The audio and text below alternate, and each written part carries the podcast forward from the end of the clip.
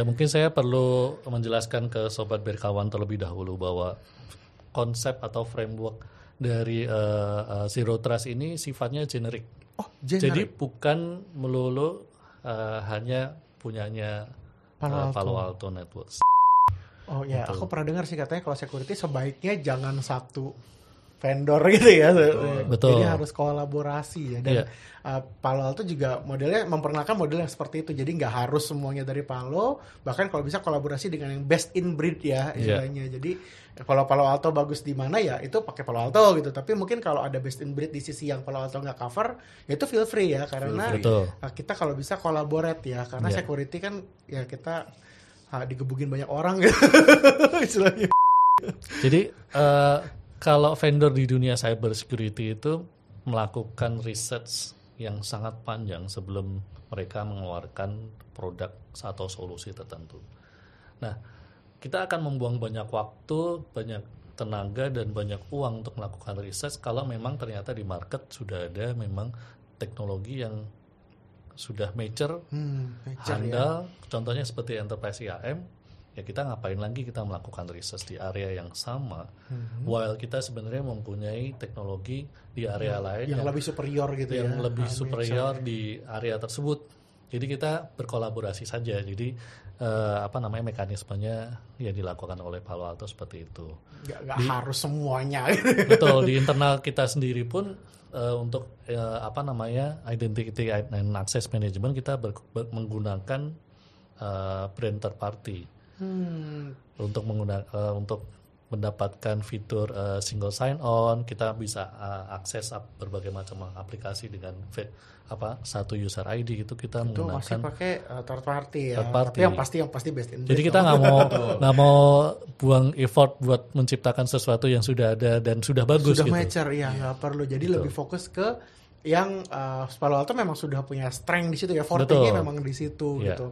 Nah itu uh, produknya ini tadi ada ada yang biru, ada yang orange, ada yang hijau nih. Iya. Kayaknya cukup banyak juga sebenarnya yang di cover sama betul Palo nih. Nah, mungkin kalau dari Bro Jeremy nih kan Bro Jeremy yang cukup banyak nih ketemu sama kasus-kasus di Indonesia nih. Mungkin Iya. boleh sedikit diceritain nih produk-produknya mungkin apa sih yang bisa di-highlight nih dari tiga warna ini gitu. Iya, jadi eh, dari tiga warna ini ya, yang biasanya mungkin kenapa kita kasih tiga warna ya mungkin untuk gampang membedakan aja buat customer dan Hmm. tiga buat lini ya atau sobat berkawan. Ada tiga Tiga tiga, lini, pilar, tiga tiga pilar lah kita bilang. Nah di sini kita punya warna eh, apa ya? Orange, Orange, ya, orange, orange, ya.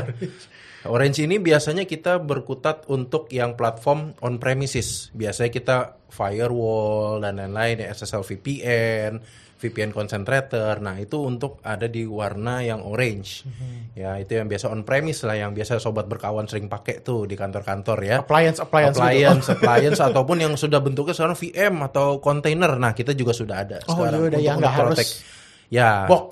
nggak harus box jadi bisa fleksibel lalu yang berikutnya kita punya warna biru nah warna biru ini biasanya kita udah eh, buat teman-teman sobat berkawan ini yang sudah main ke cloud biasanya. Jadi nanti kita kasih code name itu Prisma ya. Jadi di eh, di situ nanti teman-teman bisa protect AWS-nya GCP-nya bahkan kita bisa audit dari infrastruktur AWS ataupun GCP yang sudah dipakai Oh, jadi eh, nggak cuman kita dapat report dari mereka ya, tapi kita bisa audit pakai tools Betul, salah satunya dari produk Prisma itu, Oh. ya yang di Prisma Cloud itu. Jadi ya kita juga punya layanan yang bentuknya kalau mungkin sekarang bahasa kerennya sasi atau orang Indonesia bilangnya sase. Sase, sase. Sase lah. Sase, sase. Nah kalau orang eh, kalau bahasa orang asing kan sasi biasa gitu, sesi. gitu.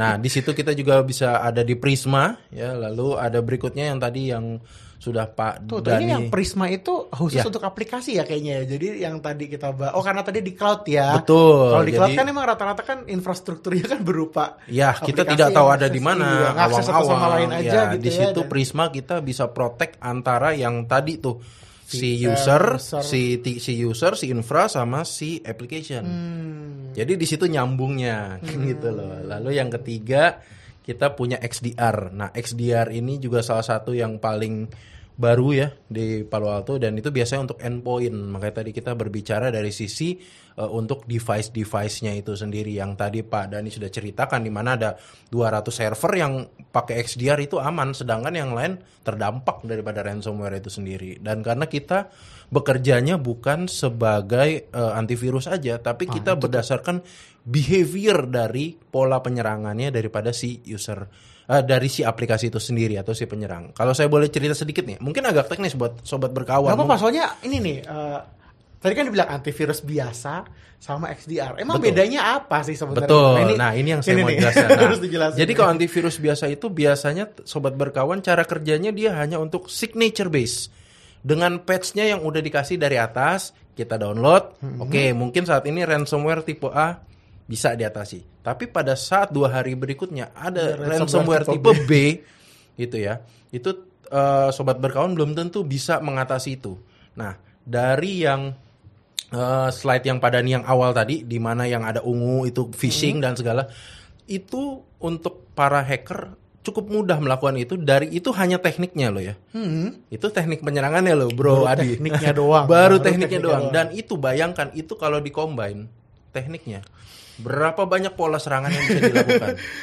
Dan Jadi itu bisa- cuma phishing doang ya, jadi dia Betul. phishing ditambah phishing eh, social engineering, tambah, apa, tambah apa, tambah terserah dia mau pakai mungkin tekniknya hanya itu guys combo, combo. ketika di combo itu apakah kita siap? Hmm. nah XDR bisa membaca engine dari pola serangan itu karena itu based on behavior dari pattern serangan dia. Nah yang paling menarik nih saya pernah menemukan saya sharing sedikit nih Bro Adi di mana eh, mungkin teman eh, seringlah kita menggunakan crack Ah, hati-hati dengan crack ini sobat berkawan, Gitu. jangan ketawa ya sobat berkawan. jadi crack itu mungkin teman-teman oke saya nggak bayar. Hmm. I don't I don't uh, pay anything ini. Tapi sebenarnya yang dicuri adalah kredensial Anda loh. Hmm. Dan itu saya pernah melakukan uh, tes ya dengan XDR Oh, ini. saya kira saya pernah crack. bukan bukan. Jadi saya pernah melakukan XDR uh, tes. Ya itu hanya dengan crack biasa. Crack biasa yang kita bisa ambil di Photoshop di website-website seperti itu dijalankan. Ternyata di detect di XDR itu adalah stolen credential from Chrome browser. Oh, jadi bukan dia bukan yang ngasih virus ya, bukan. Bukan. Tapi dia cuma ngambil kredit. Dia hanya pasif diam. pasif diam aja. Tapi dia mencari data kita. Dia dia stealing. Jadi ketika kita cuman, padahal dia cuman kayak dia nggak ngapa-ngapain kita ya, dia Betul. nggak naruh antivirus, dia nggak naruh, eh sorry dia nggak naruh virus gitu, dia nggak naruh malware, dia nggak naruh trojan, dia cuman ketika kita pakai diambil aja. Iya. Oh ini pas dirubah lagi ketahuan lagi. Kita rubah lagi misalnya password kita tiga bulan lagi bisa ketahuan lagi. Nah itu udah in- indikasi dari ada stolen credential. Seperti- Karena sudah ditaruh mata-matanya dia di dalam Iya, situ. yang untuk- tadi di- diceritakan pada nih, dia diem aja di Diem aja. dia diem di ceiling berhari-hari, betul, mengamati. Bayangkan itu tadi segitu aja teknik teknik dasarnya loh ya. Tapi kalau itu dicombine, ada yang pakai dua teknik, empat teknik, tujuh Jadi, teknik, Satunya teknik. dia pakai crack misalnya, terus aduh itu ngirim email lagi ke kita gitu karena tahu mungkin email kita apa gitu ya. Betul terus sekali. dia juga tahu mungkin kita hobinya apa, langsung diserang di bagian itu Nah. gitu kan. Kalau udah targeted kayaknya berat banget ya. Betul. Dan targeted itu saya udah ngalamin dua kali. Jadi buat sobat berkawan ada salah satu customer kita juga yang langsung eh, target. Kalau dibilang targeted itu eh, bilangnya spear phishing. Spear. Spear, oh. Langsung ditombak ke targetnya. Jadi salah satu BOD-nya seperti yang tadi Pak Dani cerita, BOD langsung ya. dia langsung me- eh, meminta dana kepada bagian finance karena dia mau keluar dia tahu tuh dia mau keluar negeri memang BOD itu akan mau keluar negeri dan dia bisa meminta uang kepada finance untuk ditransfer 10.000 US dollar Astaga. Menggunakan uh, email email yang seakan-akan dari BOD betul. Ke finance, ke minta finance. duit. minta duit. Itu saya pernah pernah ngalamin ya. Ada salah satu experience. Yang kedua itu juga salah satu eh, eh, dari apa VP-nya juga salah satu petingginya juga itu ke eh, bagian HRD dia untuk eh, kayak memalsukan data. Dia bisa untuk i- seperti itu. Waduh. Dan itu juga dari email. Jadi emang ini meresahkan sekali ya memang apalagi kalau saya lihat mungkin kalau Biorka ini memang cuman baru triggernya doang tapi sebenarnya gunung esnya itu di bawah itu udah banyak terjadi sebenarnya Iya. kalau menurut saya Bro Adi gitu. Jadi uh, emang udah serem banget tuh antara takut sama takut sih sebenarnya. Tapi emang ya paling pertama eh, awareness ya. Jadi Betul, mungkin sobat dulu. berkawan uh, tadi kita udah bahas di awal tentang uh, poin-poin apa aja yang harus uh, serangan-serangannya seperti apa. Terus juga insight-nya kita udah di-share juga biasanya kita harus ngelakuin apa gitu dan Iya. mungkin uh, tadi juga udah disebutin ada produknya seperti apa, case-case-nya seperti apa. Uh, an- antara dua hal sih, antara resah sama aware gitu. Yang pasti kita jangan takut dulu. Intinya kita jangan takut. Kalau memang kita sudah meng- ketemu menghadapi itu, konsultasi coba dengan para para pakar security yang ada. Kalau memang misalnya nanti butuh rujukan, nanti mungkin bisa ke BRK juga nih, bisa ke, ke Palo Alto atau ke Westcon. Silahkan datang, nanti kita akan bantu untuk seperti apa untuk rujukan-rujukannya. Oke, ini ngomong lebih jauh tentang bantuan ya. Emang sebenarnya kalau dari uh, Palo Alto ataupun dari Westcon gitu ya, sebenarnya ada apa nih? Ada produk apa nih yang mungkin lagi kayaknya buat sobat berkawan nih kayaknya harus segera consider gitu dari ini kan banyak ya turunnya. Mungkin ada ada nggak yang mungkin bisa di-share nih ke sobat berkawan? Sobat berkawan sebaiknya dalam waktu dekat coba consider ini deh gitu karena kayaknya akhir-akhir ini kan lagi ngetren banget nih tentang uh, Bjorka dan kawan-kawan lah ya kan sebenarnya kan nggak Bjorka doang gitu ya. betul. Nah mungkin bisa dari ini semua ada apa yang mungkin bisa di highlight dulu? Uh, mungkin Bro Dandi duluan. Ya mungkin eh, kalau saya kan dari eh, business unit Cortex di Palo Alto, jadi eh, di slide berikutnya kita bisa lihat, nah ini adalah eh, solusi SOC, Security Security Operation Center. Mungkin kalau zaman dulu eh, sangat populer namanya NOC NOC, Network Operation Center untuk mengawasi network. Yang itu ya banyak kalau- TV-nya. Betul. Nah, secara fisik sama, Oh, secara tapi fisik mengawasi betul ke area cyber security. Oh, Makanya namanya Security S, Security Operation Operation Center. Nah, Cortex ini adalah salah satu uh, business unit dari Palo Alto yang memang fokusnya membantu uh, customer-customer kita untuk membangun next generation SOC. Oh, Nah, dengan berbagai macam uh, komponen di sini kita lihat ada Cortex XDR, kemudian ada Cortex XOR dengan dan juga Expanse. Fungsinya yang tadi salah satu fungsi yang paling basic dari XDR adalah melindungi endpoint. hmm. Tapi tidak hanya endpoint saja. Uh, makanya kita kasih nama ini by the way XDR ini yang menciptakan terminologinya adalah founder dari Palo Alto Network di 2018. Namanya Extended Detection and Response. Jadi bukan oh bukan end- endpoint ya. bukan tapi endpoint lagi, tapi extended. Extended Detection and Response. Di extend dari endpoint kita extend ke network, Oh. cloud identity dan third Maksudnya party extend tuh data. itu. Betul. Oke tuh extend tuh maksudnya uh, Betul. versi lebih atas. Oh bukan, tapi ternyata nggak cuma endpoint aja ya. Nggak cuma endpoint saja. Jauh ke ini tadi ya. bisa ke berbagai macam dari network, cloud, identity uh, atau credential dan kemudian third party Third party data. data pun juga di Betul. uh, di cover Nah ya. itu kita uh, ambil telemetrinya, informasinya, kemudian kita olah, kita jahit di Cortex XDR kita sehingga uh, apa namanya para usernya, para customernya, IT admin, uh, security admin itu bisa mendapatkan visibility mengenai apa yang terjadi di organisasi mereka dengan menggunakan Cortex XDR. Jadi semacam kayak intelligence-nya gitu ya. Jadi Betul, dia langsung betul. kasih. Uh, jadi kan data kan banyak ya, informasinya mungkin agak sedikit random juga. Kita nggak, maaf ya orang-orang IT kan nggak semuanya paham security tentu gitu. Apalagi yang pemegang kepentingan mungkin kan ya. Terus dengan si Cortex ini dia akan ngejahitin semua informasi itu Betul. dan ngasih sesuatu informasi yang istilahnya kita bisa Visibility. visibility-nya itu Iya. bisa kita proses lah ya sama kita at least gitu. Jadi ini sangat membantu manusia. Kalau manusia kan pasti ada keterbatasan uh, waktu, Hmm. keterbatasan skill set gitu kan. Siapa juga yang mau nge-scroll ratusan ribu line gitu kan ya. Kita cuma punya waktu 24 jam. Iya.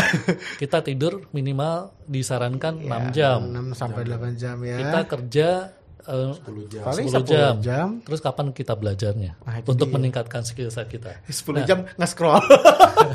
Nah, dengan adanya Cortex XDR sebagai platform uh, next generation SoC ini akan sangat membantu manusia untuk menganalisa, monitor, menganalisa dan memproteksi dari infrastruktur uh, yang ada di suatu organisasi. Jadi kita tanamkan machine learning, kita tanamkan artificial intelligence untuk membantu manusia menganalisa dengan cepat dan akurat Hmm, gitu. Nah, selanjutnya kalau misalkan sudah ternyata deteksi oh ternyata ada potensial security incident. Nah, kemudian berikutnya adalah tugasnya Cortex XOR. Jadi eh, XOR ini akan melakukan eh, respons secara Oh. bisa kita lakukan secara otomatis juga supaya mempercepat waktu kan. Jadi kalau terjadi deteksi deteksi ada security incident dilempar ke XOR untuk direspons, Direspon. Ditindaklanjuti secara automation juga. Jadi pas XDR itu dia ngolah datanya, Iya. uh, terus menginformasikan kalau ada insiden atau apa gitu ya. Betul. Nanti si XOR ini akan memberikan responnya, baik Betul. itu manual atau otomatis ya, gitu ya. ya, Bahkan- betul oh, sekali. oke. Nah ini satu paket ini kah semua SOC ya? Atau ini gimana? eh, kita sebut ini next generation Next SOC generation. kurang lebih seperti ini karena banyak terjadi kesalahan persepsi di luar sana bahwa yang namanya SOC itu cuman dibutuhkan tools yang namanya CM. Nah, Security and Incidents Nah, and Event Management. event management itu hanya tugasnya kurang lebih sama seperti yang dilakukan oleh XDR melakukan deteksi. Deteksi doang. huh. Tapi event CM tidak bisa melakukan proteksi langsung ke endpoint. Kalau Ya. Karena biasanya XDR kan cuman, bisa. iya karena biasanya kan CM kan ya cuman di Pasif, server atau iya, apa di- gitu ya. Aja, collector. kasih informasi ini ada security incident, tapi yang melakukan tindak lanjut ya nggak ada, nggak ada. Nah kita tambahkan namanya Cortex XOR yang uh, berfungsi untuk uh, melakukan sesuai namanya ya security orchestration, automation dan response. Jadi mengorkestrasikan semua yang dideteksi dari XDR, expanse, kemudian di apa namanya di automate response-nya Hmm, gitu. next generation SOC SOC ya. Jadi nggak cuman ngedetek Betul. tapi juga ada action yang dilakukannya. gitu. Nah, satu lagi yang nggak kalah penting nih kalau Cortex XDR itu fungsinya untuk melakukan deteksi dari internal biasanya. Oh dari internal. Kalau dari eksternal kita punya solusi yang unik, yang apa namanya eh, baru sekali di konsepnya baru di market yaitu expense itu sebagai attack surface management. Jadi kita petakan Uh-huh. attack surface yang di satu organisasi itu apa saja. Yang biasanya attack surface itu maksudnya area yang Diserang. kemungkinan bisa menjadi sasaran serangan. Oh. Dari dari mata dari kacamata hacker dari eksternal itu melihat suatu organisasi itu ada apa saja yang bisa diserang. Dia bisa start dari mana Nah, gitu ya. betul. Ah. Jadi kita eh, mendapatkan view dari sisi eksternal itu organisasi BRK misalkan ini ada potensi yang diserang itu ada website ini di, apa digital certificate-nya expired bisa di take over sama hacker. Oh. IP address ini uh, ada service yang mungkin lupa dimatiin, dimatiin. pas apa namanya pas melakukan research atau uh, development di service-nya dinyalain tapi setelah production kan lupa dimatiin yang buat development. Nah itu kita melakukan deteksi dari segi eksternal. Jadi konsepnya adalah sebisa mungkin kita persempit area yang bisa di attack oleh hacker Jadi apa chance chance-nya dia opsi-opsinya kita kurangin gitu kita kali ya. kurangin maksudnya. Kita betul. kurangin, ya. Nah ini kita punya uh, XDR dari internal, expanse dari eksternal itu kemudian kita semuanya kembali berikan ke ke XOR tadi. XOR supaya bisa ditindaklanjuti. Hmm. Oh kalau ada kekurangan di sini ada uh, potensi di sana, apa yang harus dilakukan itu si Si XOR XOR yang melakukan tindak lanjutnya. Oke. Jadi di dalam diprotek uh, kita juga pelajari dari luar gimana Betul. gitu ya dan itu nanti akan dikumpulin semua informasinya dan akan diolah dan akan direspon sama si XOR Ya, gitu nah ya. ini uh, konsep next generation, Next SOC yang kita usung ke masyarakat supaya bisa diadopsi gitu. Waduh, ini banyak ya gitu. Tapi emang ya maksudnya uh, basicnya sih sebenarnya kelihatan simpel ya karena Betul. intinya kita lindungi yang di dalam, kita juga perhatikan seperti apa kita dari luar gitu ya. Dan ya kita abis itu kita olah datanya informasinya uh, by system ya, by jangan kita yang lakuin lagi Iya, gitu ya. iya, jangan Terus abis manual. itu uh, kita dapat tindakan gitu, kita dapat sesuatu yang harus kita lakukan gitu dan itu dilakukan juga semua dalam satu bundle next generation SOC tadi ya. Betul. Wah ini uh, luar biasa juga ya. Jadi nggak cuman antivirus gitu, nggak cuman X, apa nggak cuman XDR-nya doang gitu ya. Bahkan Iya. tadi kan kita udah bilang XDR nih bisa memprotek uh, server endpoint gitu. Tapi ternyata nggak cuman XDR-nya doang, tapi lebih betul. dari itu. Lebih gitu ya. dari itu juga. Oke banyak banget nih sharing yang udah di share ke sobat berkawan hari ini. Ini luar biasa banget sharing dari Bro Dani dan juga Bro Jeremy dengan cerita-cerita yang kasus-kasus yang di customer customernya ya. Itu benar-benar unik ya, ya. menarik, Menarik, banget sebenarnya. Karena uh, sobat berkawan jadi bisa belajar ya. Aku berharap banget nih sobat berkawan bisa belajar bisa ya mungkin awalnya pusing gitu. Kalau pusing nonton lagi dari awal.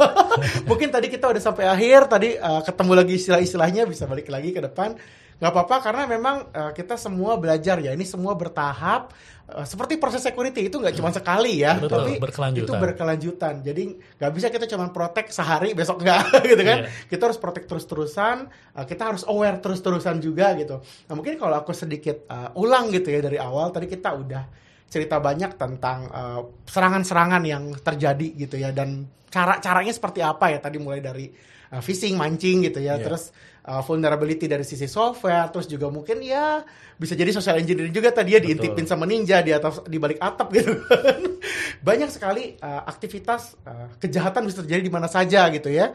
Dan kita harus uh, punya awareness lebih gitu terhadap ini. Tapi uh, nggak selalu tentang rasah-rasahan dan takut-takutan ya karena uh, banyak sekali yang bisa kita lakukan. Tadi juga ada uh, tujuh hal yang bisa dilakukan ya banyak sekali yang bisa dilakukan. Tapi mungkin kalau sobat berkawan bingung nah uh, Palo Alto punya framework gitu ya punya Ya, framework yang namanya zero trust. Nah dari guideline tersebut tadi juga ada turunan beberapa produk yang mungkin sobat berkawan bisa consider.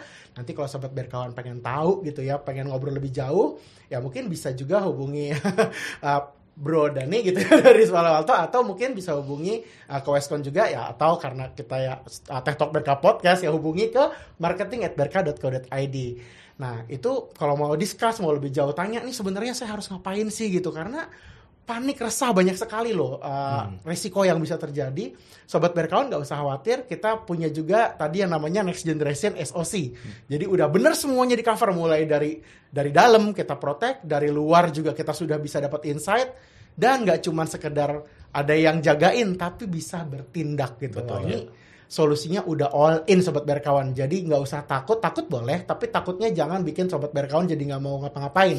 Justru uh, start dari takut, kita harus bertindak, harus Betul. do something. Betul sekali Iya. Bro Adi.